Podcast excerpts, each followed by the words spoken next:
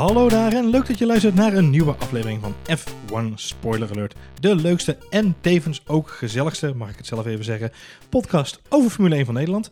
Uh, mijn naam is Johan en ik ben hier zoals altijd, zoals jullie gewend zijn, met Marjolein. Hallo. Hallo. Mensen schrikken zich een hoedje en denken, oh nee, toch niet die voets alleen hè? Ja, ja, precies. Want je was natuurlijk even weg. Ja, ik was even naar de andere kant van de plas. Je was international deze week. Ik was, uh, ja. Vertel even heel kort, wat, wat, wat heb je gedaan? Uh, je was te zien en te horen deze week. Ja, inderdaad. Ja, nou, te zien en te horen. Uh, Jenny Gau, dat is een uh, Formule 1 um, journalist uit de UK, uit Engeland. die al jarenlang in die sport rondloopt. En ik volg haar ook al heel wat jaartjes. Uh, en daar verslag van doet. En uh, zij maakt een leuk format, want zij, zij, op dit moment gaat zij niet naar alle races, want natuurlijk lang niet alle uh, media hebben toegang nu of mogen nu daarheen. En zij maakt momenteel is, ja, voor BBC maakt zij podcast over Formule 1. dus ja, als zo, zodanig is zij niet essentieel uh, gebleken. ja, dat is een beetje sneu te zeggen, maar ze hoeft daar nu niet uh, altijd bij te zijn. Dus Jenny is natuurlijk ook een beetje aan het nadenken gaan van... hey, hoe kan ik uh, een beetje formatjes zelf ook gaan doen? Ja. Dus heel leuk, die is een YouTube-kanaal begonnen.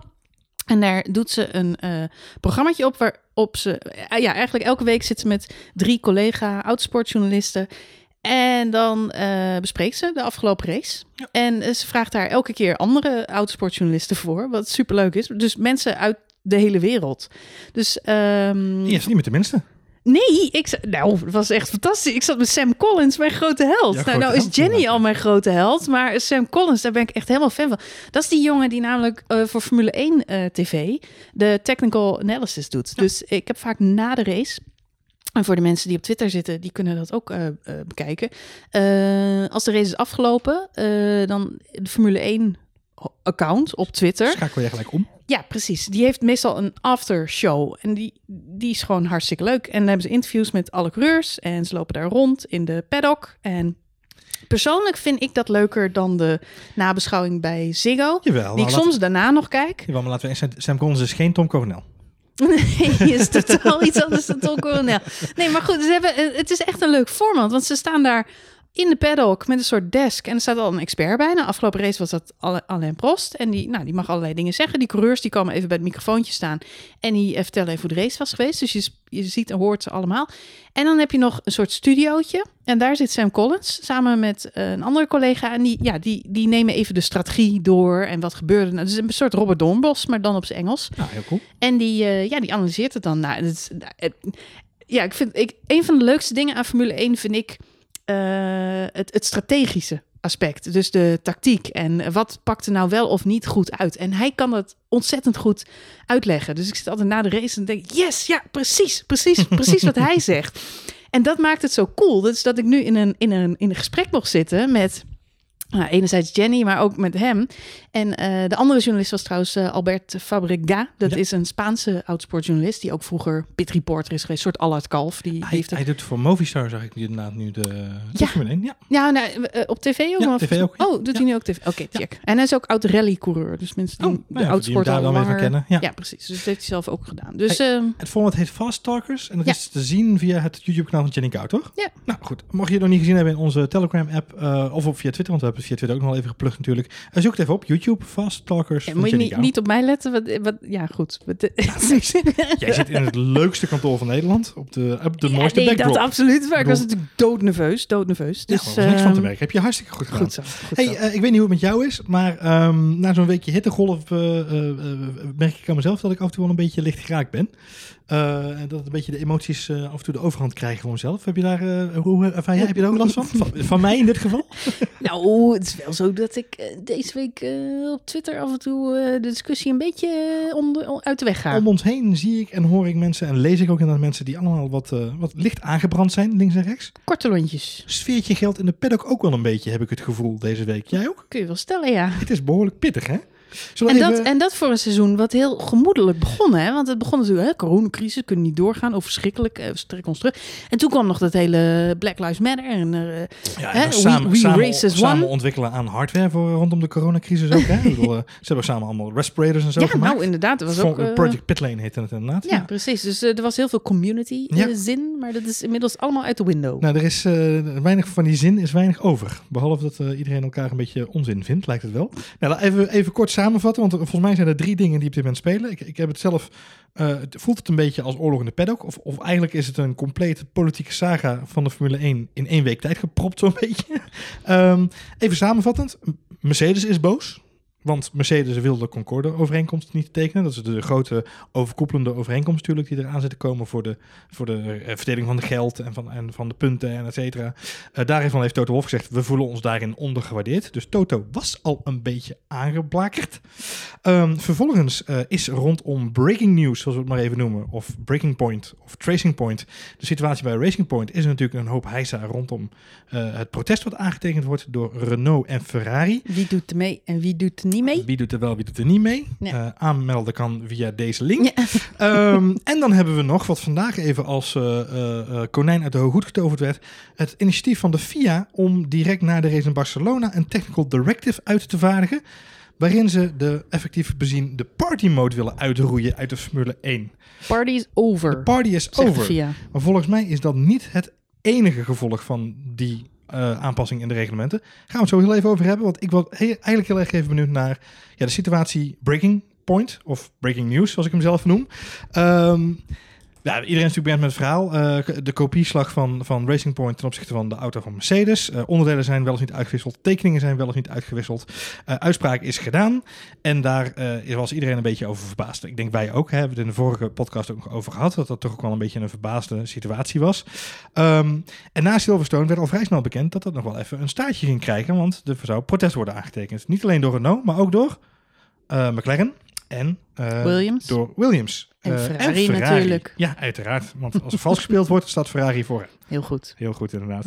Hey, ehm, eh, dat betekent, want ook Racing Point zelf gaat in beroep. betekent dat we nu vijf mensen hebben die in protest gaan tegen deze beslissing. Dat betekent zo'n beetje de helft van alle teams. Nee, dat is niet helemaal waar wat je dan zegt. Want uiteindelijk hebben natuurlijk McLaren en Williams zich teruggetrokken. ja, vind, vind ik inderdaad een, een, een, een mooie situatie is dat, die zich daar voordeed, inderdaad. Nou, laten we vooropstellen dat de situatie is zo vreemd, omdat die heel uitzonderlijk is. En dit is, nou ja, is is- nee. die, mag, die mag ook op een tegeltje. De situatie is heel vreemd, omdat het zo uitzonderlijk is. Nou ja, maar dat is wel. En toevallig kwam dit van de week ook te sprake in een gesprek wat ik met, eh, met, met Jenny. Dit klinkt echt heel cool. Ja. Het gesprek ook met Jenny Kou en andere gerenommeerde. Ja. Sorry hoor, maar ik vind het nog steeds heel cool. Ehm, nee, het gesprek, eh, eh, daar hadden we het ook over. Dat, kijk, ehm, wat het verhaal is, en ehm, is dat eigenlijk in de Formule 1 heel lang een soort ongeschreven regel is geweest. Je bouwt niet een andere auto na. Dat doe je gewoon niet. Weet je, en enerzijds is dat een beetje stilzwijgend. Dat is gewoon een afspraak onderling. Maar tegelijkertijd is ook een stukje trots. Weet je, Williams, McLaren, dat zijn van origine dat zijn, eh, fabrieksteams die gewoon... Exact, ja, die, die willen dat ook helemaal niet. Nee, die Gaan, je, gaat, je bent te trots om dat te doen. Ferrari, hetzelfde verhaal. Maar nu heb je een uitzonderlijke situatie van eh, Mercedes-afnemers. Mhm. Ehm, dat is niet alleen Racing Point, maar dat is op dit moment ook Williams. Wat meteen eigenlijk een soort van verklaring is dat ze uiteindelijk niet door zijn gegaan in het protest. En volgend jaar is het ook McLaren, wat ook een soort van verklaring is. Ehm, daar nog even aan toevoegend, wat ook natuurlijk, want ze, hè, ze hebben allebei aangegeven dat ze aanvankelijk wel de intentie hadden om zich aan te sluiten bij de protest. Mhm. Nou, de, Toto Wolf, die heeft zich daar ook nog mee bemoeid. Die heeft, als mediator. ja, was mediator. En, en uiteindelijk voor de deadline of hè, begin van deze week hebben ze laten weten van ja, we gaan toch niet door met dat protest. Er spelen natuurlijk meer dingen. Enerzijds kun je zeggen van nou, ze nemen Mercedes straks af, dus ze gaan ook niet Mercedes boos maken. Maar aan de andere kant zou je ook kunnen zeggen, nou, er zijn al eh, twee teams die protest aantekenen. Er zijn een hoop legal kosten mee gemoeid. Je kunt je geld ook anders uitgeven. Ja. Dus, eh, maar ze zijn wel geïnteresseerd in wat nu de uitslag is. Red Bull geldt hetzelfde voor. Red Bull heeft vandaag in de persconferentie laten weten, ook voor ons is de huidige uitspraak ehm, eh, niet bevredigend. Want wat wij hadden gehoopt is dat er duidelijkheid zou komen wat er nou wel en niet mag. Ja. En dat maakt eh, dit verhaal nu een beetje zo interessant. In principe is het gewoon not done om een andere auto na te maken, maar dat is wel gebeurd. En wat je dan eigenlijk krijgt, oké, het is dus wel gebeurd, maar wat is er nou precies illegaal daaraan? En dit is waar de FIA dus ook tekort heeft geschoten. Want er zijn geen duidelijk genoeg regels die vastleggen in hoeverre je een andere auto mag namaken. Die regels zijn niet goed genoeg. Nee. Dus FIA heeft vorige week direct laten weten: jongens, 2021, wij gaan zorgen dat er regels komen die vastleggen dat je niet een andere Formule 1 auto zo één op één mag nabouwen als dat Racing Point nu gedaan heeft. Hoe ze dat gaan formuleren, nou, daar krijgen ze een, een dagtaak aan. Dat, dat- hè, er zijn nu waarschijnlijk al mensen mee bezig, want dat wordt een hoofdpijndossier. Maar het is, het is wel belangrijk om even genoemd te hebben, het was er nog niet. Waarom? Omdat het tot op heden altijd goed ging. Je deed het gewoon niet. Je bouwde gewoon niet een andere auto naar. Nu is dat wel gebeurd. Dus nu moeten daar specifieke regels eh, voor komen. Daar zijn ze mee bezig. Maar goed, dit seizoen zijn ze er nog niet. Dus je zit nu met een uitzonderlijke situatie. Eh, wat heeft Renault gedaan? Die heeft natuurlijk zijn, advocaten er, erbij gehaald. Oké, eh, die auto die is gewoon een kopie. Waarom is dit voor Renault zo'n zo'n ding? Weet je wel? Waarom is Renault hier zo fel mee? Nou, Renault zit in een direct gevecht. Eh, met Racing Point. Dat zijn twee directe concurrenten. Eh, afgelopen race, Racing Point heeft, is natuurlijk als een constructeurs punten kwijt. Maar ze doen het afgelopen race zo goed dat ze nu alweer boven Renault staan. Met andere woorden, Renault heeft hier echt last van. Dit pakt gewoon belangrijke punten weg bij hun. Eh, dus ze willen op de een of andere manier echt eh, hier een, een, een punt in maken. En daarnaast kennen we Renault natuurlijk sowieso als eh stelletje stijfkoppen. Die, ja, nou goed. Maar en, en enerzijds, ja, ik ben, ik ben ook. Wat er grappig is aan deze zaak, is elk team heeft zo zijn eigen beweegreden om hier iets van te vinden. Red Bull heeft aangegeven, wij zijn het niet met de uitspraak eens, omdat het, het is onbevredigend. Het is niet duidelijk. Nee. Maar ja, hier zit een heel technisch verhaal achter. En voor de mensen die dat eh, interessant vinden, kan ik vast nog eh, een aparte podcast hierover maken. Maar in, in general, hè, het gaat allemaal over die brake ducts. Het gaat over eh, een onderdeel wat vorig seizoen al gekocht is. Ja. Toen mocht je nog wel brake ducts kopen bij een, bij een leverancier. Dit seizoen mag dat niet meer. Maar is het nou, hè, is het nou illegaal of is het nou niet? Want ze hebben ze vorig seizoen al gekocht, maar ze gebruiken ze nu.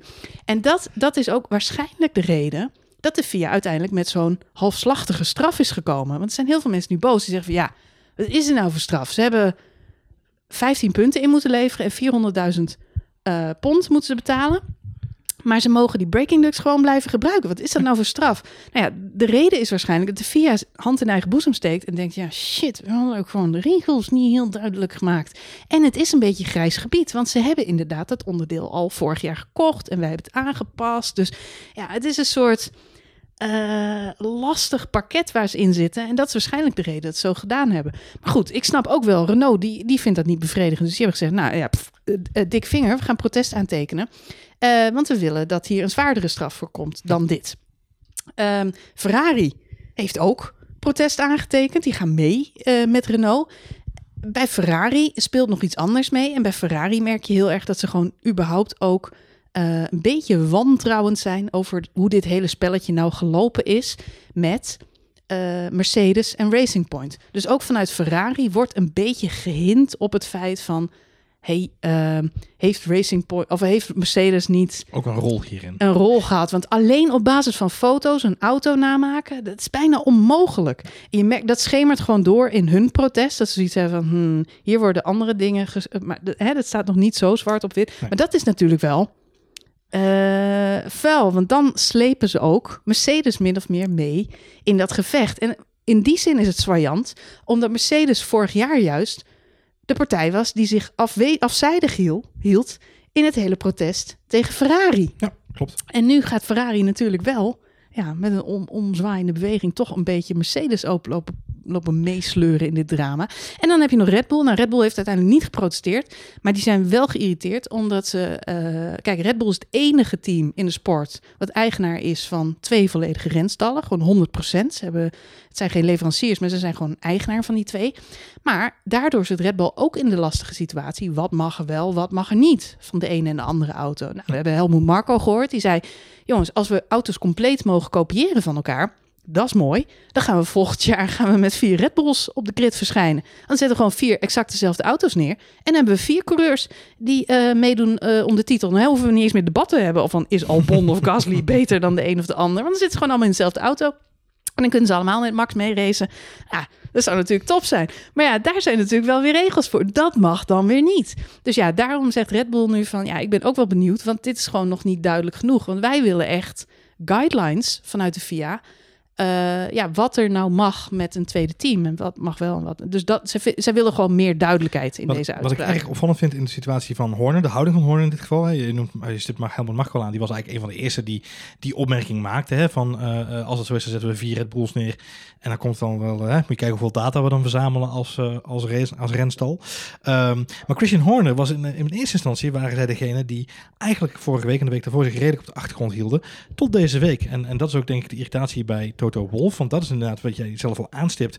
Op dit moment wordt Mercedes daar langzaam maar zeker aan de haren van Toto Wolff, die langzaam zeker steeds grijzer worden, bijgetrokken.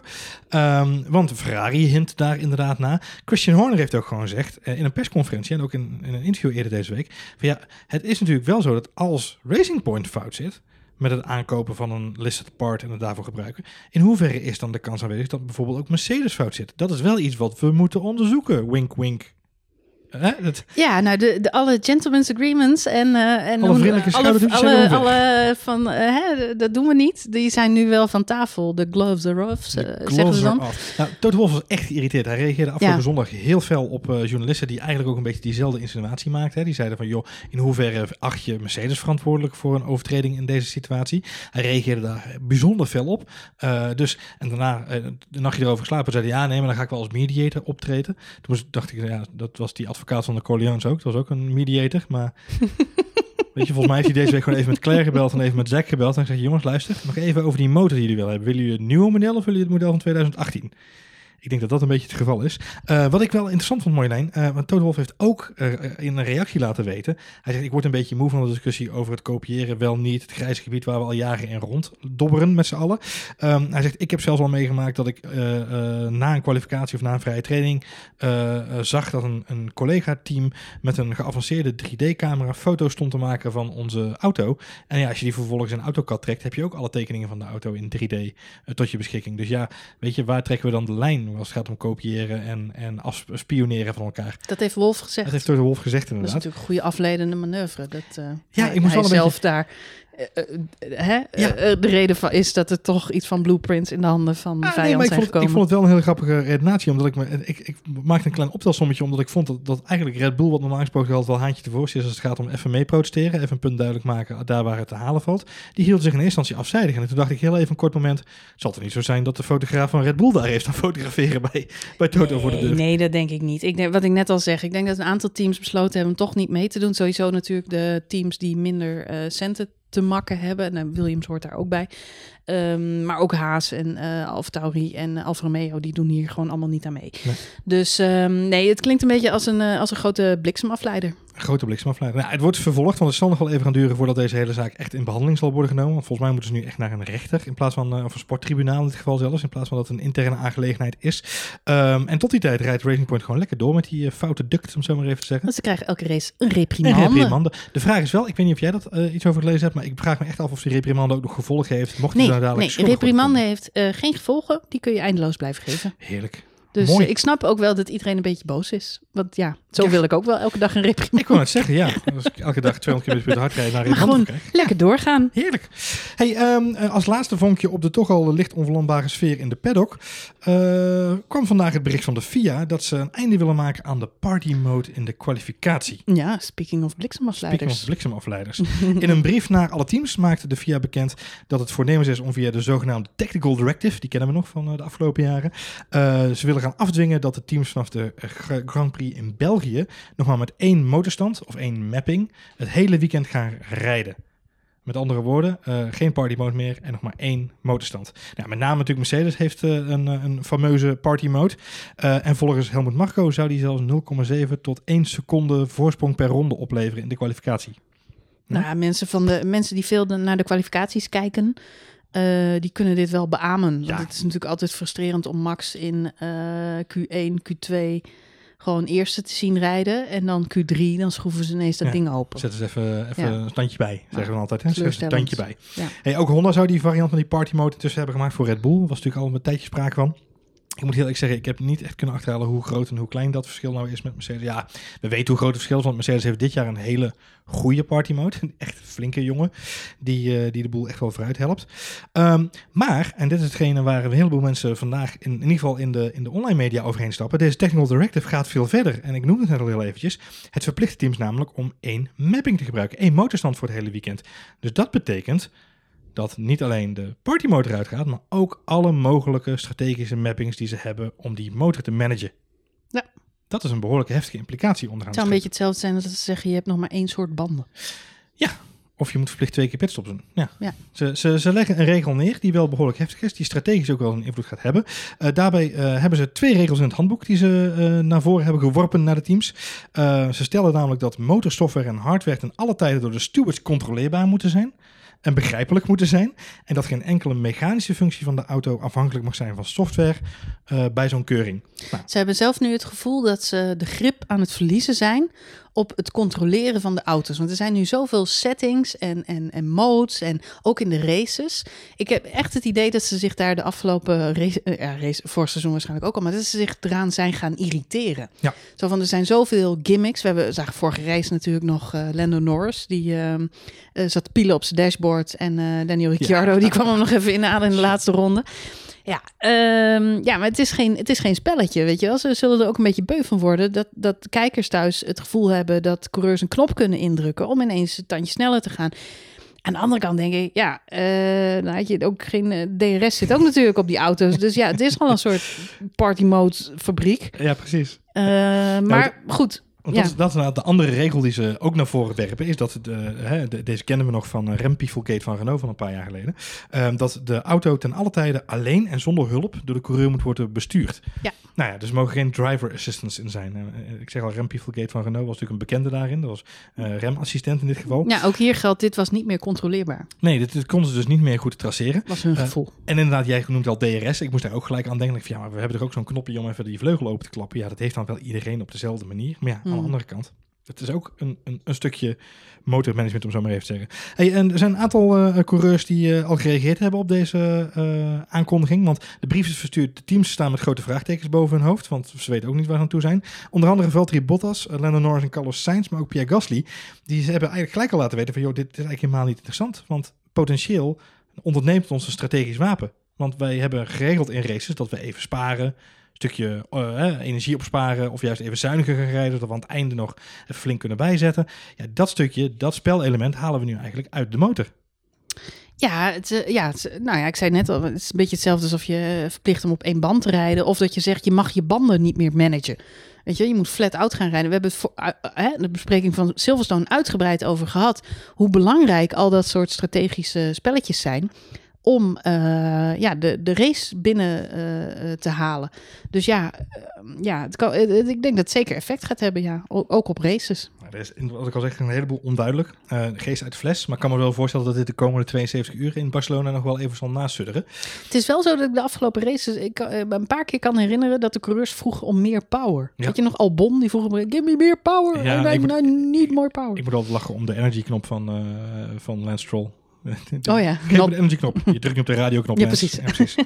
Eh, hey, en wat, waar ik me afvroeg, en ik weet niet hoe jij er tegenaan kijkt, maar ik vind het heel vreemd dat we nu halverwege het seizoen zo'n enorm grote regel gaan doorvoeren. Dit is mijn grootste vraagteken. Dit, waarom nu? Het is Waarom? zo vreemd. Eh, gisteren waren er wel geruchten dat dit zo zou gaan gebeuren. Maar toen ging het over volgend seizoen.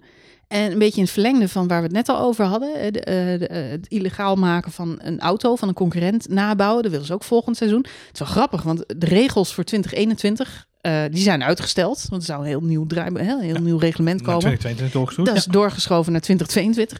Maar nu zit VIA ineens met een bak huiswerk waar je u tegen zegt. Want ze moeten een handboek gaan schrijven dat je dus niet een andermans auto mag na- nabouwen. En welke technologie je daar allemaal niet. De 3D-camera's zal ook wel verboden worden. precies. Nou, er moet van alles in komen te staan dat dat dus niet meer mag. En nu gaan ze ook die motorsettings eh veranderen. Dus daar moet ook nog een draaiboekje van komen. Wat mij echt onwijs verbaast, is dat ze het nu ineens midden in het seizoen hebben getrokken. Dus toen ik het gisteren hoorde, toen dacht ik, nou ja, prima, zwaar. Hebben ze nog een klusje erbij voor volgend jaar. Ja. Maar nu is het ineens na Barcelona. Dat is volgende week. Dat is, nou, Ja, insane. binnen twee weken moet dat dus doorgevoerd zijn en afgeschaft binnen alle teams. Ja, kijk, het is natuurlijk wel te doen, maar het is wel een hele rare keus. Alhoewel, ik moest wel gelijk denken aan de situatie Ferrari, waar ze natuurlijk ook bij Ferrari ontdekten dat er vals spel was, of dat er een, een, een, een, eh, eh, oneffenheid was in de afstelling van de motor, om het zo maar even te zeggen. En eh, daar werd ook op 65% van het seizoen natuurlijk zo'n technical directive uitgezonden. Eh, echt een briefing naar iedereen van jongens, dit mag dus niet meer. Op deze manier dingen doen mag dus niet meer. Feitelijk zien we nu natuurlijk hetzelfde, alleen nu zien we het op, aan het begin, eh, nog relatief aan het begin van het seizoen, op ongeveer een derde. Ja. Ehm, het is wel opvallend. Eh, wat ik wel grappig vind is, eh, het past wel in de lijn van eh, de intentie van 2022, of eigenlijk van 2021, waarbij ze de sport simpeler willen maken. Dus in dat opzicht is het dan wel weer een logische keuze. Maar je krijgt nu wel een soort van hybride handboek. Nou ja, wat, wat, ehm, wat leuk is aan Formule 1, en het zullen veel mensen met mij eh, beamen die het al lang volgen. Wat leuk is, is dat je op een gegeven moment het gevoel hebt dat je een beetje eh, expert bent geworden. Wat, er, wat je nu mag verwachten. Nou, Ja. dit herkennen we allemaal. Je zit die race te kijken en er komt iemand de kamer binnenlopen die er een beetje half verstand van heeft. Weet je, je schoonbroer of je schoonzus of iemand die zegt, oh leuk, eh, gaat goed. eh. En dan, ja, dit Wie ken- rijdt er voorop? ja, precies. Die rijdt er voorop. En ik vond er even bij zitten. En dan moet je het gaan uitleggen. En dan, ehm, ja, weet ik veel. Dan, dan zie je, eh, eh, oh ja, Max Verstappen die rijdt dan voorop. Of, bij wijze van, of die rijdt dan tweede. En Charles Leclerc die rijdt dan eh, voorop. En dan zegt die persoon van, oh, hij gaat niet redden. Hij gaat niet redden vandaag. En, eh, en dan, nou, nou, dan, de, de ont- de- on- hoor je altijd wie de leek is en wie de expert. Want de echte Formule 1-fan zegt, zegt dan van, nou, niks aan de hand. Die bandjes van Max Verstappen, die zijn nog eh 15 ronden nieuwer. Volgens, Dus, volgens eh, Amazon zijn ze pas 10% versleten. Dus ja. Nee, die Amazon graphics moet je niet te veel opletten als Formule 1 expert. Maar nee, ja goed. Maar dit is toch het verhaal. Je wil een beetje de, de sport kunnen, kunnen begrijpen en Ja. kunnen leren. En een heel belangrijk element daarvan is, zijn die banden. De afgelopen race Silverstone was het perfecte voorbeeld. Je zit ernaar te kijken en dan denk je, oh, oh. Je, zit, je gaat een soort van amateur zitten eh, meerekenen op, op die pitmuur. Zo van, oh, oh dit, dit ziet er goed uit. Want hij moet nu nog een keer naar witte bandjes. En die witte bandjes doen het hartstikke goed. Kijk maar, de rondetijden zijn 1,28. Oh, oh, dus dit, snap je? Dus dat maakt die sport zo leuk. Dat je er ook een beetje steeds meer eh, goed in wordt om te gaan voorspellen wat het gaat doen. En een nadeel van, van, van dit soort gimmicks als de party mode is dat fans dat gevoel kwijtraken. Want het is verschrikkelijk als je naar die sport zit te kijken en ineens drukt Hamilton een knopje op zijn dashboard in en zijn bandjes die zijn ruk, maar hij rijdt wel naar voren. Dat zou natuurlijk, nee, maar dat is niet goed. Want dan, dan haal je dus eigenlijk de logica uit, uit een Uit sport. sport, ja. Dus op zich, kijk, daar ben ik dan wel weer mee eens. Waar trek je de lijn dat het een soort supercomputers worden? En dit, ja, het kan enerzijds eh, strategie beïnvloeden.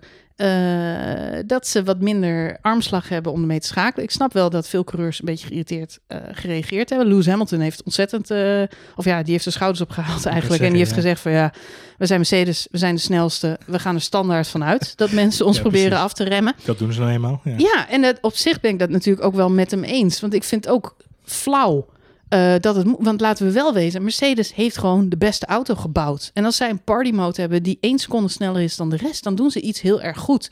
En dit is ook de mening van Red Bull Racing, Horner, Max Verstappen, iedereen die het daar vraagt, die zegt: we moeten beter ons best doen. Wij moeten sneller worden dan een Mercedes. En dan pas hebben we het recht om ze te verslaan. Of, zoals afgelopen race, strategisch. Juist. Eh, hè? En, en eigenlijk ook op auto, want Mercedes had zijn autoafstelling gewoon niet goed op Max, orde. Max focust inderdaad als een van de weinige coureurs is die gewoon op zichzelf gefocust en zegt hij, joh, wij moeten de auto beter managen. eh plus dan kunnen we naar concurrenten gaan kijken. Laten we eerst zorgen dat wij zelf het maximale uit de auto halen voordat we concurrenten gaan afvallen, dat zij het wel voor elkaar hebben. Dat En ik denk dat dat een hele terechte opmerking is. Ehm, overigens, jij zegt inderdaad een supercomputer en algoritmes. Mocht je nou wat meer eh, willen weten over engine mappings en over hoe dat systeem nou precies zit, het is een beetje technisch, maar het is wel heel erg grappig. Chain Bear is een bekende eh, YouTube eh, videomaker die heel veel uitlegvideo's post of andere goede Formule 1 content maakt. Hij heeft op YouTube een video staan waarin hij keurig uitlegt wat zo'n engine mapping nou eigenlijk is en hoeveel verschillende modus, modi er zijn voor, voor de auto's in dit geval. Dus ik denk, ja, dit is absoluut iets wat, wat een, een, een gevolg gaat hebben voor de sport. En ik weet niet of het ten goede is, onderaan de streep. Misschien sluit ik me voor dit keer wel eens een keer aan met Valtteri Bottas.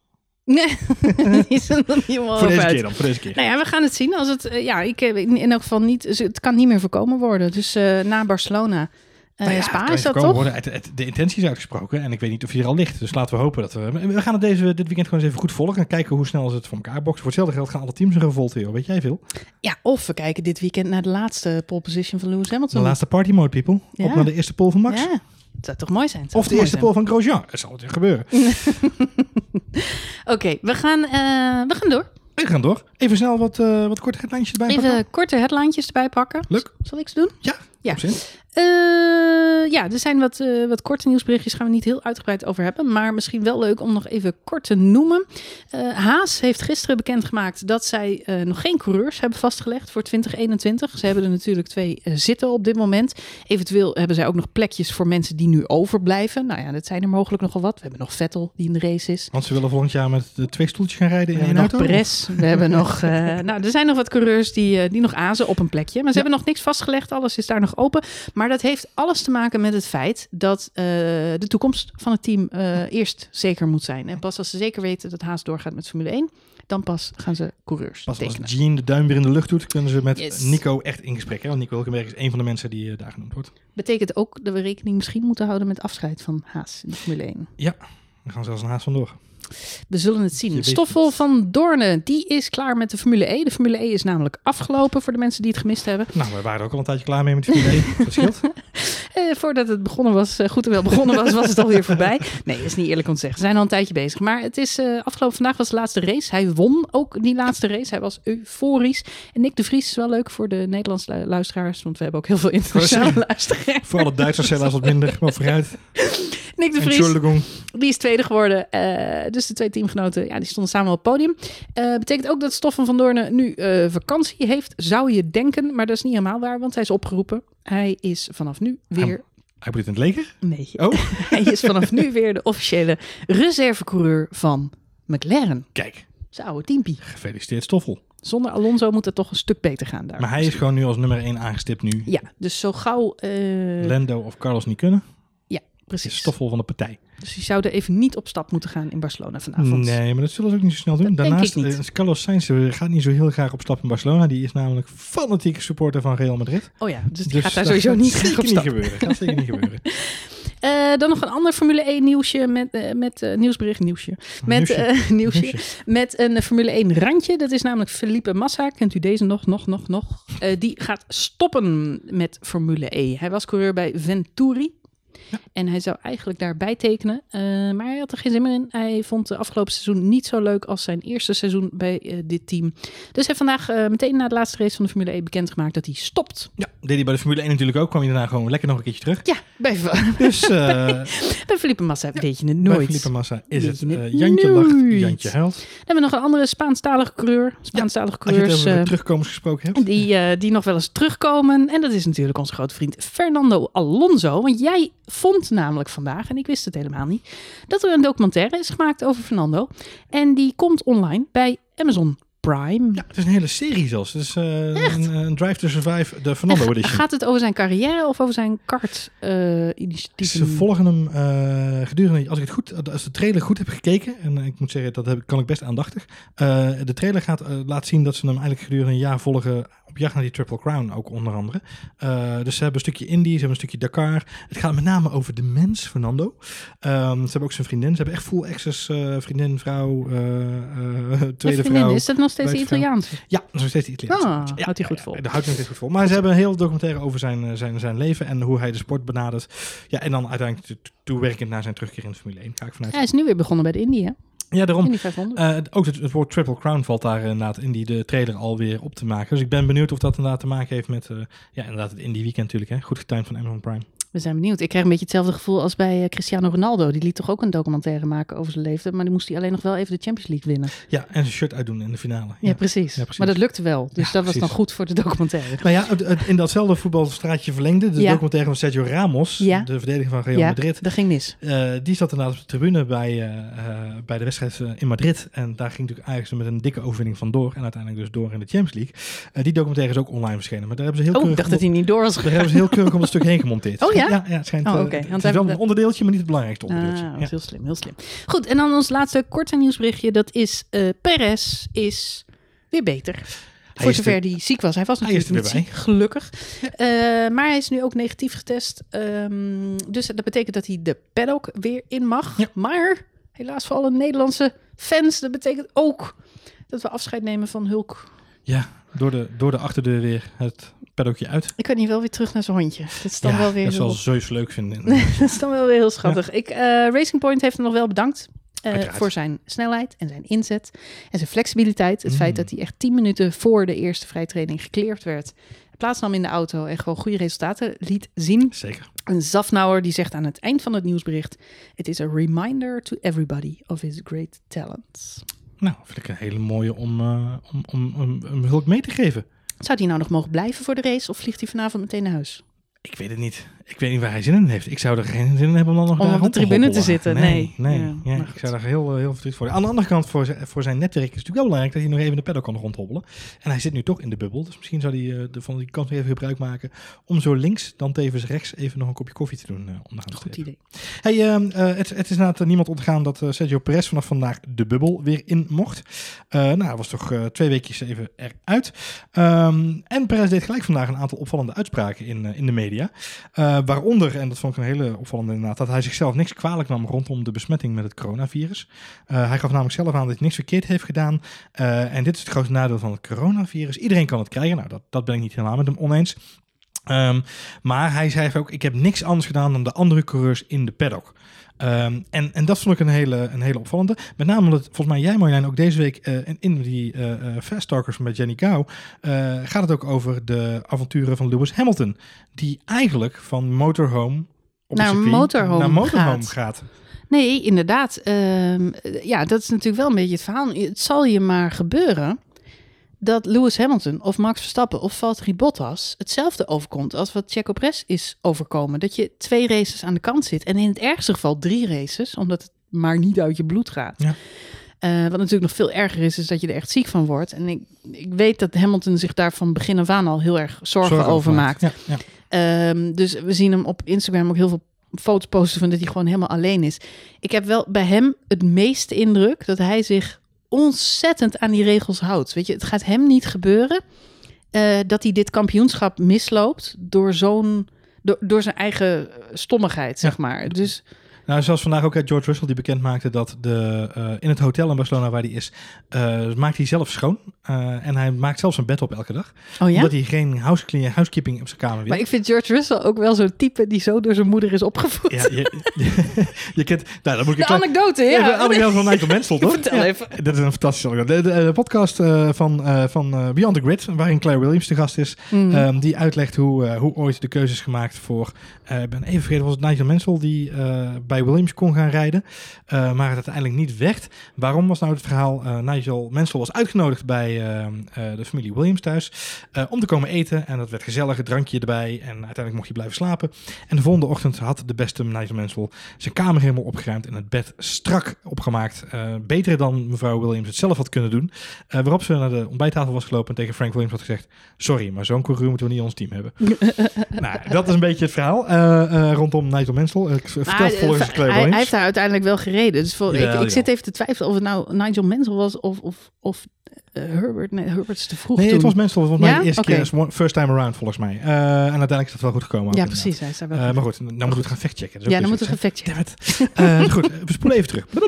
Ja. Nee, ehm, eh, maar goed, George Russell heeft ook aangegeven, ik neem geen risico, geen housekeeping. Ik maak zelf mijn kamer schoon, ik maak zelf mijn bed op. Want het zal je maar gebeuren dat er een schoonmaakster die het niet doorheeft, toch ziek is en, en het meebrengt.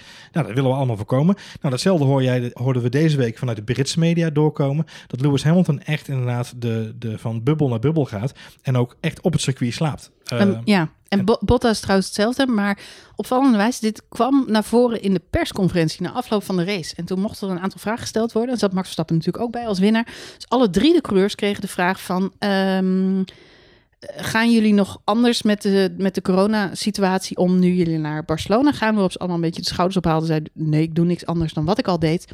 Ik ga dinsdag of woensdag stap ik in het vliegtuig. Dan vlieg ik naar Barcelona, daar stap ik uit. Dan ga ik naar de paddock en dan heb ik mijn eigen motorhome. En daar woon ik. Ja. En dat is het verhaal. Uh, nou is wel opvallend dat er van de week natuurlijk een foto van Max Verstappen online verscheen in Monaco. Ja. Dus hoe dat dan precies zit, misschien was het een oude foto, Samen weet ik niet. de oude teamgenoot van zijn vader natuurlijk. En zijn vader. Patrese, eh, toch? Ja, ja. Ja. Patrese, ja, ja. Dus dat is wel een opvallende ontwikkeling. Het is Dat wel dat opvallend, maar het zal je maar gebeuren dat je dat, je, dat, dat stomme virus kijkt naar, en, eh, en gewoon races moet missen. Ik bedoel, eh, Schumacher die verloor er ook ooit een, eh, een kampioenschap op in 99. Zijn Nou, niet op, niet, niet op. Nee, coronavirus, maar wel op het feit dat hij zijn been brak. Klopt. En ehm, ja, Niki Lauda, die, die, die heeft natuurlijk ook die hele erg crash. die kon wel redelijk snel. Maar het is toch, we hebben al vaker situaties gehad waarbij titelkandidaten een tijdje uitgeschakeld worden. En nou ja, goed, dit zou natuurlijk wel zou echt een, de meest erge de zijn voor een kampioenschap. inderdaad. Zeker. Nee, de andere opvallende uitspraak van, eh, van onze Mexicaanse vriend Perez is dat hij verwacht dat eh, binnen de kortste keren alle Vettel naar Aston Martin geruchten wel een beetje naar de achtergrond zullen verdwijnen. Hij maakt zich namelijk totaal geen zorgen over zijn stoeltje en hij heeft alle vertrouwen in zijn contract bij, eh, bij Racing Point. Dus hij vermoedt niet dat Sebastian Vettel naar, eh, naar Aston Martin Ja, gaat. zo letterlijk heeft hij het allemaal niet gezegd. Nee, denk je? Nee, hij, zei, hij zegt: ik, maak me, ik, ik ga ervan uit dat de geruchten snel zullen neerdalen. Neerdalen. Dus het zal, hè, they will quiet down. Dus het zal snel minder afnemen, worden. Ja, precies. Ja. Maar dat zegt nog niet zoveel over. Hè, als Vettel bijtekent, dan zijn de geruchten natuurlijk ook afgenomen. Ja. Dus dan is hij wel zijn plek kwijt. Ja, maar dan is het wel stil daarna. Hey, eh, speaking of eh Sebi, Seb Ja. Vettel. eh, die krijgt dit weekend van Ferrari een cadeautje, namelijk een geheel nieuw chassis. Dat zou je niet verwachten. Eh, wat is namelijk het verhaal? Er is na de race Silverstone een scheur ontdekt in zijn chassis. En daarom eh, eh, heeft, krijgt hij dus nu dit weekend in Spanje de beschikking over een hele nieuwe auto. Onderaan de streep van de grond ervan opgebouwd. En wel. Ja, dat is toch opvallend, want we hebben natuurlijk twee hele moeilijke races zien hebben. Ehm, waarbij die zelf zag, ja, ik rij echt te- tegen de muur aan. Ik krijg dat ding gewoon Misschien is dat wel echt gebeurd, Marjolein. Je rijdt tegen de muur aan. Precies, kijk uit wat je zegt inhoud. Nee, ehm, eh, ja, dat gevoel had hij. Weet je, de auto was Ja. zo onbestuurbaar dat het gewoon niet te doen was. En het bleek dus na afloop dat, dat er een klein, een klein scheurtje ergens in chassis zat. En als gevolg daarvan hebben ze dus nu gezegd, eh, je krijgt een nieuwe, niks aan de hand. En Ferrari heeft daar wel weer op gereageerd door te zeggen, oké, die, die scheur had alles te maken met het feit dat er een keer een curbstone te hard aan de onderkant van die auto was wel weer is. zijn eigen schuld. Precies, Precies, dus eh, dat, had, dat was niet de verklaring voor het feit dat hij de afgelopen twee races zo slecht gepresteerd had. Dus En dat was de strategie ook niet. Die ja, precies. Blijft, blijft wel in ieder geval bij zijn verhaal. De, Vettel die heeft toch een beetje vandaag geprobeerd om de angel uit het verhaal te halen. Die heeft gezegd, eh, luister, eh, er is geen sprake van complete ruzie in het team... of wat in de media een beetje wordt gesuggereerd. Hij zegt, eh, strategisch is er een raar, eh, raar besluit genomen. Eh, hè, we- hij heeft natuurlijk op die gele bandjes veel te lang rondgereden. Hij is veel te vroeg naar binnen gehaald op banden die nog goed waren. Hij zegt, mijn pitstopstrategie, daar klopt er gewoon geen zak van. En dat heb ik aangegeven, hebben we uitgepraat. En eh volgende keer gaan we het anders doen. Ja, en die spin, dat was mijn schuld. En dat moet ook anders. En eh, nu gaan we gewoon weer eh, volle bak vooruit. Ja, wat wel opvallend is, want ehm, eh, dat was natuurlijk heel positief vanuit zijn. Hij heeft een positieve draai gegeven. Maar wat een beetje bekend werd na afloop van de race op Silverstone afgelopen weekend, is dat op een gegeven moment Sebastian Vettel gedurende lange tijd op de race niet meer gereageerd heeft op zijn boordradio. Hij heeft niet meer gereageerd op zijn engineers. Hij was compleet radiostil. En de oudbaas van Ferrari, die ooit in de tijd natuurlijk Schumacher daar naartoe heeft gehaald, ehm, Luca de Montezemolo. die inderdaad, gehoord, dankjewel. Drie keer woordwaarde. Mhm. Ehm, die heeft deze week in een interview met de Duitse media gezegd: van, joh, het, een van mijn laatste acties was Sebastian Vettel naar Ferrari halen. En de manier zoals nu met wordt omgegaan, vind ik niet des Ferraris. Eh, dus ik hoop dat ze het nog wel het tijd met hem kunnen keren, want Vettel is een kampioen. Ik vond het heel prettig om te lezen van de man die uiteindelijk heel hard Michael Schumacher naar buiten gebonjourd heeft in de tijd. Maar goed, Ja. dat terzijde. Eh, wat hij wel zei, en dat vond ik wel een opvallende eh, opmerking. Hij zegt, in de tijd dat ik daar met Schumacher de kampioenschap aan elkaar reeg... en later ook nog even met Rijkonen natuurlijk... eh, en we ook met Massa en, eh, en Alonso nog om de titels streden. eh, hadden we te maken met een goede, goede verdeling van de taken. En op dit moment is het de one-man Binotto show. Hij zegt, en, en Binotto is een, is een teamman. Hè? Hij is opgegroeid bij Ferrari. Hij werkt al meer dan 25 jaar. Alleen hij is nu wel zowel Jean Todt als Ross Brawn als...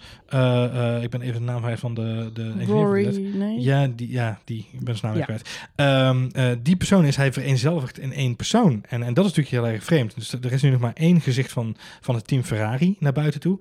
En dat is wel heel erg opvallend. Ehm, ja, daar sluit natuurlijk wel een beetje op aan dat eh, Binotto eh, gekozen heeft om zijn technische functies helemaal af te stoten vorige week. Dus ehm, eh, ja, dat er een, een hoop begroeit bij Ferrari lijkt me duidelijk. Maar Marjolein, ben ik benieuwd, als hij die weekend, dit weekend naar die auto naar P2 of P3 rijdt, wat, wat zegt dat dan over de hele situatie? Hebben we hem dan aan het lijntje gehouden, drie races lang? Nou, maar dat gaat niet gebeuren. Charles Ehm, Leclerc rijdt natuurlijk ook gewoon naar P3 en P4 achter elkaar. Ja, nou ja, we hebben vorige keer natuurlijk een beetje over gespeculeerd. Van zou het nou zo zijn dat Ferrari of eh, Vettel gewoon met, een- met een, met een rotauto de, de weg opsturen? Kijk, zo gaat het natuurlijk niet. Je gaat niet eh, je eigen eh, coureur saboteren op wat voor manier dan ook. Dus daar geloof ik niet in. Maar eh, wat wel zo kan zijn, dat is dat je een van de twee coureurs een beetje voordeel gaat geven. En dat zien we bij meer teams gebeuren. En dat zou kunnen betekenen dat Vettel een beetje onderdelen en afstellingjes aan het uitproberen is. Terwijl Leclerc gewoon de beste, zekere race setup meekrijgt. Ja. Nou, en dat, dat, dat gebeurt bij Red Bull ook regelmatig en, en bij andere teams. En dan heb je nog überhaupt Red Bull en, en Toro Rosso, waar ook bij Toro Rosso Ja. van alles wordt uitgeprobeerd, zodat Red Bull ervan kan profiteren. Klopt. Nou, dat zou wel aan de hand kunnen zijn. Dus dat ze ja, Leclerc toch een beetje favorable nieuwe onderdelen of nieuwe dingetjes geven. Toch een beetje naar voren geschoven. Ja, dus ik, ik, ik denk niet dat we Vettel heel hoog in de rankings gaan zien. Hmm, Dat hmm. gevoel heb ik niet meer, helaas. Ik- oh. Maar ik blijf erbij. Vettel is niet ineens het talent kwijt. Weet je wel? Vettel is nog steeds goed. Het slaat nergens op dat hij vorig jaar gewoon met Leclerc aan het strijden was. En toen ging het echt vaak om en om. Ehm, hij is nog steeds diezelfde Vettel. Het is niet zo dat hij er dit jaar ineens geen klap meer van bakt. Alleen, ik denk niet dat hij... ehm, ik denk, trouwens, oh, het werkt ook twee kanten op. Hè? Want hij krijgt misschien nu, nu niet de beste auto. Maar denk je dat Vettel nog heel uitgebreid bij die briefings gaat zitten vertellen wat er allemaal mis is met die Ferrari op dit moment? Dat denk ik ook niet. Ja, het zou kunnen. Ja. Hij gaat ze natuurlijk niet wijzer maken dan nodig is als hij volgend jaar naar Racing Point gaat. Dus ik denk dat hij ook. Eh, ja. Hij staat erom bekend dat hij urenlange briefings geeft. Dat hij in detail vertelt wat er aan de afstelling van de auto niet klopt. Ik denk dat hij ook, tegenwoordig eh, Kimi Räikkönen sn- snel klaar is. Boah. Had je, had je gehoord. Kimi, had je vandaag gehoord wat Kimi gezegd had op de persconferentie wat hij nodig had voor de auto? Nee? Ja, de, we- Steering iemand, wheel. iemand vroeg aan de Oh. auto, van, hey, de auto is niet snel genoeg. Wat moet er gebeuren? Ja, eh, meer aerodynamica, meer snelheid. Dan zijn we al heel eind op weg. Dankjewel Kimi. Dat zijn de goede debriefs. Die moeten we Kimi, hebben, eh, Kimi staat echt al met één been in zijn pensioen volgens mij. Want ik weet niet of jij hem Die zit al in zijn oldtimer. Ja. Of jij hem een beetje volgt op, eh, op Instagram of anders zijn vrouw. Maar wat heel grappig, ik zag hem, nou volgens mij acht uur na de race in Silverstone was hij alweer lekker in, eh, in Zwitserland. Ja. Hij vloog eh, diezelfde avond, hij is gewoon direct na de race teruggevlogen. S ochtends eh, zat hij alweer met zijn zoontje op de kartbaan. Dus eh, het is gewoon karten, karten, karten. En het jochie blijft maar rondjes rijden. Dus over een paar jaar, nieuwe Kimi Räikkönen. Nou, een nieuwe, nieuwe kleine man Verstappen, toch? Precies, Dat knipoog die zelf ook eh, had, inderdaad. Hey, eh, wat een scenario is, want en toch heel even nog even terug naar, naar Steffi Vettel. Eh, een van de scenario's waar wij het ook al eens vaker over gehad hebben, zowel op, aan, tijdens deze podcast als daarbuiten, is natuurlijk, stel nou dat Vettel het echt niet meer trekt, of Ferrari trekt het echt niet meer, dan, dan gaan we eerder uit elkaar. CD van jou, CD van mij. Ehm, in dat geval zijn natuurlijk een aantal mogelijke interessante scenario's die zich kunnen aandienen. Ehm, een van de meest interessante die we eigenlijk deze week voorbij hoorden komen, was eh, Vettel vertrekt bij Ferrari. Nou, Of Mhm. hij dan nou wel of niet naar Aston Martin gaat, gaat even niet op in dit geval. Maakt me even niet uit. Maar stel dat Vettel echt is bij Ferrari, dan zou Giovinazzi of Kimi Räikkönen naar Ferrari kunnen gaan. Dat is ook een, iets wat jij al eerder opgeworpen Mhm, hebt. Dat zou betekenen dat Kubica, die natuurlijk nu de testwielrenner is bij eh Alfa, die zou dan in de eh, stoel van een van die twee coureurs kunnen gaan zitten. Mhm. Maar als Kubica nou bij Alfa gaat zitten, wat betekent dat dan voor de Hulk? Want Kubica is natuurlijk bekend van dat hij altijd een zak met geld meebrengt. Poolse, Poolse dinero's. dus, eh, en Hulk is natuurlijk van bekend dat het niet de meest eh, gesponsorde coureur op de grid is. Beetje Oliver Twist. Die heeft geen cent te makken. Ja, dat, dan, dat we net niet, want hij heeft wel een mooi, hij heeft wel, hij heeft wel een mooi, mooi huisje eraan overgehouden aan de Oh, ik wou zeggen, hij heeft wel een leuk koppie. Maar Ja, heeft hij heeft een leuk kopje ook. ook. Ja, precies. Ehm, aan de andere kant heeft natuurlijk eh, onze grote vriend Hulk in één race en twee kwalificaties wel meer laten zien dan Kubica in een heel jaar Williams vorig jaar. Ehm, maar wat denk jij? Zou het dan nog een zou het plekje van Hulk? Want eh, Hulk heeft natuurlijk ook bekendgemaakt de- in, bij Formule 1 podcast. Ik ben in gesprek met Alfa en met Haas. Alfa heeft ook gezegd, eh Hulkenberg is een coureur eh, die we altijd in de, in de, in de gaten houden. Hè. Is iemand die we altijd interessant vinden. Dus daar broeit iets. Hè, als je dan toch over Mhm. warmte moet hebben in dit geval. Ehm, ja, weet je, wat betekent het voor Hulk? Zou Kubica daar dat plekje nog kunnen stelen? Ja, nou, dat hangt een beetje af van, eh van. Ik denk, kijk, Nico Hulkenberg is wel blij dat hij Formule 1 kan racen. Maar aan de andere kant is hij niet zo desperate. Daarvoor heeft hij te veel zelfvertrouwen en trots. True. Dat hij eh, maar een beetje de, de inhaal Formule 1, of eh, hoe noem dat? De inval Formule 1 coureur is. hij is niet de invaljus van, eh, Dus de van, ja. ja, van de grid. Weet je, hij gaat niet elke keer als er eentje ziek wordt of, of, of niet meer. Nee, hij gaat niet met het bankje zitten. Nee. Nee, hij gaat daar niet een beetje zitten wachten. Dus ik denk als je, wat jij zegt, waar, stel er komt inderdaad zo'n hussel en ze zeggen, oké, dat verhaal met Vettel, dat gaat gewoon echt niet werken. We moeten dat eerder stoppen. Mhm. Dan gaat Vettel gewoon per direct eh, op de tribune zitten en die gaat gewoon even zitten kijken. Het zijn met een blessure of eh, je kunt er altijd nog een mooi persbericht aan, aan spinnen. De reden dat hij dan, eh dat zie ik Ferrari ook nog wel Leuk, vragen, een weet je wel. persbericht spinnen bij Sebastian Vettel. ja, dat is sowieso grappig. Goed idee. Nou, je kunt er natuurlijk iets voor verzinnen. Dat eh, Vettel in elk geval de rest van het seizoen niet af hoeft te maken. Dat zou het zou logisch zijn dat je dan... eh, ik denk dat ze dan misschien Giovinazzi naar eh, Ferrari gaan halen. Want ja, daar hebben ze toch nog een soort van... Die is officieel de, de coureur van ja, Ferrari. dus offi- officieel is dat de, de betere coureur. Aan de andere kant, als Ferrari nog iets met kampioenschapspunten wil... is het veel logischer om Kimi Räikkönen daar naartoe te halen. Plus... ehm, eh, Kimi Räikkönen zorgt natuurlijk voor veel meer positieve PR en aandacht. Dat hebben we bij Hulke Hulkenberg ook Hm, gezien. ja, er zijn, eens, gewoon, er ja. zijn bepaalde fan favorites. En als je die terughaalt, naar voren haalt, Ja, maar ze moeten opletten, want voor de weet heeft hij Charles Leclerc aan de drank. Dat is gewoon hartstikke gevaarlijk. dat is wel gevaar. Ja, bad influence. dat is een soort slechte grote broer. Hè? Die moet je niet bij dat jochie zetten, want dan gaat het helemaal verkeerd. Nee, maar eh, voor, voor Kimi Räikkönen geldt een beetje hetzelfde als voor Hulk Hulkenberg. In de, in de zin van, die zit ook niet, eh, die heeft ook zijn trots. En die zal ook misschien zeggen van, luister eens vrienden, jullie hebben mij eruit getiefstraald. Ik kom niet zomaar weer terug. Nee. Eh, zoek het even lekker uit. Ik eh, ga lekker karten met mijn zoontje. Ja, hij zegt zelf van niet, hè? Kimi zegt zelf dat hij altijd nog het, alleen maar love is met Ferrari. Maar Nou, nee, ja, goed. Ik, denk, ik, denk, ik denk sowieso dat Kimi, die boeit het gewoon geen reet als iemand hem maar een raceauto geeft. Weet je, als morgen Renault belt en zegt Kimi, wil je voor ons komen rijden? Ja, is goed. Hij is sneller. En, En gloves. gloves. Een En een steering wheel. En een steering wheel. Dan komt het goed. Ai, Ai. Voorbeschouwen op Spanje, Marjolein, want dat is eigenlijk wat er dit weekend gaat gebeuren. Eh, zo tegen de tijd dat deze podcast afgerond is, denk ik, dat de eerste vrije training er zo'n beetje op zit. Ja. Ehm, nee, eh, eh, we gaan naar Spanje toe, Barcelona. We hebben natuurlijk lang getwijfeld of het allemaal ging lukken. Nu gaat het lukken. En daar zitten ze nog lekker even aan het staartje van deze hittegolf dit weekend. Ehm, zijn er dingen die je opgevallen zijn nu in de voorbeschouwing? Al eh, die eh, op weg naar de... En behalve dat het hier tijdens de opnames ongeveer net zo heet is volgens mij als in een Formule 1 Het voordeel is op dit moment, ik ik drink een heerlijk koud zomers biertje. En dat komt er net zo Dat hard komt gewoon er weer net zo hard uitgelopen. Dus dat scheelt. Het is echt takkenwarm. Yes. Fijn zo'n studiootje. Ja. Heerlijk. Hmm. Ehm, ja, maar even voor alle duidelijkheid, de airco kan niet aan. Want als we de airco nu aanzetten, dan, ja, dan heb je geluid. dan klinkt Dus- iedereen, dan denkt iedereen, wat zitten ze in de windtunnel bij McLaren? En, En die het- is nog niet klaar. Dus Nee, dat kan helemaal niet. Maar goed, Eh, wat zijn de dingen die zijn opgevallen op weg naar, eh, naar, naar Spanje toe? Eh, Jantje bent er natuurlijk niet geweest, maar we gaan op weg naar de race. Dankjewel, Sinterklaas. Eh, nou ja, goed, wat zijn de opvallendheden in eh, Spanje? Ja, een paar dingen. Het zit maar een weekje tussen. We hebben Silverstone net gehad. Scherp, Dus, heel opvallend. Had ik niet zien aankomen. Ja. Nou, dat eh, betekent dat er maar weinig aangepast is aan de auto's. De problemen die Mercedes vorige week had en met de afstelling, maar ook met de banden, die zullen ze toch opgelost moeten hebben. Want ehm, we hebben nog weer een videootje gezien van Mercedes de afgelopen week. Waarin ze het wel toelichten.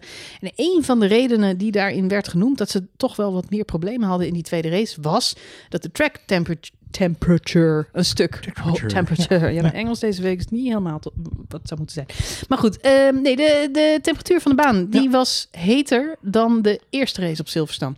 Op Barcelona is hij nog vele malen heter. 5, 6 graden hoger verwachten ze inderdaad. Dus dat, eh, eh, dat gaat voor dingen zorgen. Aan de andere kant kun je ook zeggen, er zijn al meerdere coureurs die dat ook al in de persconferentie hebben gezegd, is Barcelona is voor iedereen thuisbasis. Ja. Daar rijden ze in februari zo verschrikkelijk veel testrondjes. Vergeet niet, die jongens hebben afgelopen februari gewoon al twee, drie complete Grand Prix rondgereden op dit circuit. Ja. Dus ze kennen dit beter dan wat dan ook. Het is echt hun op thuisbasis duimpje, op hun duimpje. Ja. Ehm, wat wel vanochtend nog werd eh, gezegd eh, eh, door Michael Massey, dat is dat hij extra op gaat letten op ehm, het afsnijden. ja, track limits. Track limits. ja, ja, ja. Dus dat wordt eh, wel een Ja, dat is eh, natuurlijk een dingetje sinds dat ze die sensoren hebben ontdekt. Die zijn goedkoop in te kopen ergens, denk ik. Maar die gooien ze nu overal neer. Ik denk wel dat het goed is, want in, eh, in Barcelona zijn er veel meer mogelijkheden tot. Ehm, nee, je, je zegt terecht al, nou, de banden bij Mercedes is zeker een verhaal. We rijden weer met dezelfde compound als De eerste race eerste op race Silverstone. Silverstone. Ja. Ja. Eh, helaas voor ons. Nou ja, helaas, helaas. Eh, dat is natuurlijk de vraag. Het grappige is, jij zegt in een week tijd kun je niet veel veranderen. Maar aan de andere kant heeft Mercedes het ook voor elkaar gekregen om tussen de eerste race Silverstone en deze race die complete Die, de hele Mercedes, eh, alle voordeel Want weg alles, te- alles ging verkeerd om bij die Mercedes. Die stond helemaal Ja. haaks op zijn wielen, leek het wel. Ehm, nou, het andere wat opvalt eh, zijn de vleugels. Mocht je morgen de vrijtraining kijken. Of, eh, of, of kijken naar de kwalificaties. Er zitten enorme grote eh, rear-end eh, wings op. eh, grote, grote vleugels achterop. Veel downforce dit weekend. En bij Mercedes, goed opletten. Die auto is extra opengewerkt aan de achterkant vanwege de koeling. Ze hebben een grotere air intake aan de achterkant. Ja, dan meestal is die auto niet op zijn best in dit soort temperaturen. De weersomstandigheden, Marjolein, hier komt mijn Peter Timofeef slash Oetmon eh, eh, imitatie. Mag ik niet meer doen. Mag ik niet meer doen, volgens de comments op onze podcast. Mm. Eh, het weer dit weekend, 29 tot 30 graden, zowel zaterdag en zondag. Met zondag kans op wat lichte bewolking. De regen die is vanavond al gevallen in Barcelona. Dus het blijft droog, zoals het nu uitziet. Nou, dat lijkt me hartstikke goed, want we hebben veel meer aan hitte. Zeg maar, de mensen die iemand anders willen zien winnen dan een Mercedes. Op tv vind ik hitte ook te gek. Ja. ja, precies. Dus we hebben eigenlijk, eigenlijk zitten we te wachten op een hitterace. Dat maakt het spannend. Ja. Ver- vergeet de regenrace, we gaan voor een hitterace. Nou, nog even en we kijken met z'n allen naar de Solo Challenge, jongens. hey, eh, je voorspellingen, Marjolein. Kom maar door. Eh, nou, eh, ik moet me een beetje vasthouden aan wat ik van de week bij Jenny heb gezegd bij Oh, je had voorspeld. Oh, ik had zo kunnen overnemen. Ja, het zou Hmm. kunnen overnemen. Nou, ze vroeg alleen naar wie de race gaat winnen. En Ja. toen heb ik natuurlijk uit Nederlands trots gewoon keihard Max Verstappen gezegd. Dat was echt hard. Ik moest echt geluidszachter zetten. Zo heb ik het gezegd. Ja. Ja, maar dan komt toch je chauvinisme en dan komt de innerlijke. Tim Coronel komt het bovendrijven. En denk je, ja, ik snap hem eigenlijk wel. Wij stonden ook op de bank te springen, hoor. Toen hij de eerste race won in Barcelona. Ja. Nee, maar dat was eigenlijk de aanleiding. We hadden het over Barcelona eh, gehad. En toen dacht ik, weet je, het wordt er wel weer eens tijd voor om Ja, eh, Barcelona te winnen. Ja, Want precies. het is natuurlijk zijn allereerste overwinning ooit alle tijden in 2016. Daarna heeft hij een aantal mindere races daar gehad. Dus ik, eh, nou, dit jaar winnen maar weer eens. Ja, goed idee. En eh, ja, Mercedes, ik denk dat ze nog steeds een probleempje hebben deze, deze race. Maar- Zeker, zeker met die hitte. Zag vorig jaar in Oostenrijk ook. Hè? Het was ook 38 graden. Zeker. Ja. En eh dat had Mercedes ook niet eh, genoeg. Ze moeten, ze moeten, wat jij zegt, ze moeten een beetje terugschroeven. Ehm, ja, en daardoor gaan ze gewoon minder hard. Dat kan allemaal in ons voordeel zijn. Dus van je de twee neutrale kijker. Dus je 2 en 3 zijn Grosjean en Nee. Latifi. Ja, nee, nee. Oh. Ik, heb daarover getwijfeld, maar ik ga uiteindelijk toch voor Hamilton op plek 2. Want op de een of andere manier, ook al wordt die auto teruggeschroefd. Zo beetje de Houdini van de Ja, Formule 1. precies. Ja, komt, precies. komt Hamilton toch op de tweede plek altijd uit. Iets. Minimaal. Ja, precies. dus, eh, dus dat. En ik denk eh, drie, Daniel Ricciardo. Ja, ik doe eens iets anders. Ja, leuk. Hij zit al een tijdje best wel goed. Alleen afgelopen race maakte hij stom fout. Classic Vetteltje. Vetteltje. Ja. Dus, eh, maar nu gaat hij zich herpakken en hij gaat eh, zijn podiumpje pakken. Nou, vooruit dan. En eh, wat is de, de... Wat heb ik niet eens... bij- oh, heb ik, moet mijn eigen voorspelling doen. Wat, Ja, is jouw, wat is jouw, wat is jouw, jouw on- onvoorspelbare voorspelling? Nou, ik zat toch een beetje in die retro vibe van 2016. Dat ik Oh, dacht, leuk. oh, het zou toch mooi zijn hè, als we weer zo... Dus toen moest ik denken aan die Mercedes, Hamilton en, en Rosberg destijds. Ja. Dus in dat licht denk ik, Hamilton tikt Bottas van de baan. Maar hij kan dus wel door. Hij kan wel door. Ja, precies. en Bottas misschien ook, maar ze, ze, ze tikken op de een of andere manier gaat wel iets mis. Even een momentje. Even een momentje. Even een momentje voor Ja. overstuur. Ja. En dan is iedereen overstuur. Precies. Ehm, Oké. nou, zeldzaam moment. zeldzaam moment, van van Mercedes. controleverlies bij Lewis Precies. Hmm. Hmm. Nou, mijn top 3 is, eh, is eh, bijna eens gelijk. Alleen, eh, ik heb op één natuurlijk gewoon eh Max Verstappen staan. Natuurlijk. Natuurlijk. Oh. Ik denk hetzelfde als jij. Ik denk dat het gewoon tijd is om een keer Barcelona te pakken. Hmm. En overigens leuk om te zien dat in ons voorspelspel ook iedereen dat denkt. Dus oh ja? op dit moment het aantal inzendingen die ik nu Ik heb denk dat is het 100% gewoon, dit is gewoon een mindfuck. Dit is gewoon, als er zo gauw Nederlanden, Nederlandse Formule 1 fans horen Barcelona, dan denken ze Max Stappen. Max Ja, Stappen. Max. Tuurlijk, die wint daar altijd. Nou, zo goed doet hij het daar meestal elke- niet. Maar... als Ajax moet voetballen en Wenen, denk ja, die beker winnen Ja, precies. Werkt ook niet zo. Heel apart. Heel apart, heel apart. Ehm, nee, dus dat, dat is eh, eh, mijn, eh, mijn instelling, of mijn inschatting ook. Wat ik al zeg, eh, samen met mij 100% van alle meespelers van het voorspelspel van, van deze podcast. 100%? Ja, Iedereen? iedereen op dit moment die mee heeft ingeschreven. Ja, je mag, Max. maar je mag nog inschrijven tot en met Oh, ik 2-3. nu iets anders eh, in, dan win je alle punten. Ja, kan. kan. Loop je uit Ja, in het Moet kampioenschap. natuurlijk nooit tips weggeven. Hè? Dat, eh, Mm, nee. mm. Eh, mijn nummer 2 is ook Lewis Hamilton, want het is nogmaals het is de Harry Houdini van, van deze sport af en toe. En op plek 3 heb ik toch gewoon lekker Seb Vettel staan hoor. Ja, gaat het doen dit weekend. Sepje gaat het doen met zijn nieuwe chassietje. Rijdt hij iedereen aan gort. Ehm, al dan niet bewust. Ehm, mijn eh, verrassende voorspelling is misschien minder verrassend dan je zou denken. Ik vermoed dat dit weekend wederom Latifi en Rijkonen met elkaar aan de stok krijgen. En eh, die gaan crashen. En dan komt er een safety car. Latifi en Rijkonen. Ja. Rijkonen die crasht bijna nooit. Nee, maar het gaat toch gebeuren. Want ja, Latifi, Die stuurt hè? altijd overal omheen. zichtbaar geïrriteerd. Ja, maar ja, last minute spin eh, Latifi. Dat is gewoon lastig. Hmm. Dus dat wordt een... De enige waarmee Rijkonen echt vaak gecrashed is, is Max Verstappen. Maar dan zit hij helemaal niet in de buurt tegenwoordig, dus eh, dat Ja. scheelt. Dat is waar. En Vetteltje. Ja, ook Ja. nog wel een keertje. Ja. Maar goed. Nee, dus dat. Eh, nou ja, de- nog andere eh, verwachtingen voor het weekend? Nee, Marlijn? ik zeg, laten we gaan kijken. Spanje. Kava, Laten we- kavaatje open en gaan met die banaan. Laten we hopen dat het iets cooler is als die race is. Hier in Nederland wel. Ja, laten we hopen dat het dan allemaal naar Spanje toegetrokken is. Qua temperatuur. Ah, zo, even ademhalen. Ga je even afkondigen? Ja, ik ga eens even ik afkondigen. wil dames het raam openzetten. Tot zover deze aflevering van F1 Spoiler Alert. Als jullie ons zoeken, wij zitten buiten. Hangen uit het raam. Met een koud biertje tegen ons voorhoofd aangeplakt. Mm. Jawel, ik weet dat het ochtends vroeg is voor jullie. Maar wij doen toch even een koud biertje. Zo warm hebben wij het nu. Ehm, laat ons vooral weten wat je van onze podcast vond. Eh, laat het weten via de reviewmogelijkheden van je favoriete podcast app. Als dat niet lukt, laat het dan weten via Twitter. Via F1 Spoiler Alert of Ed Marjolein. of at Johan Voets met een lange oe.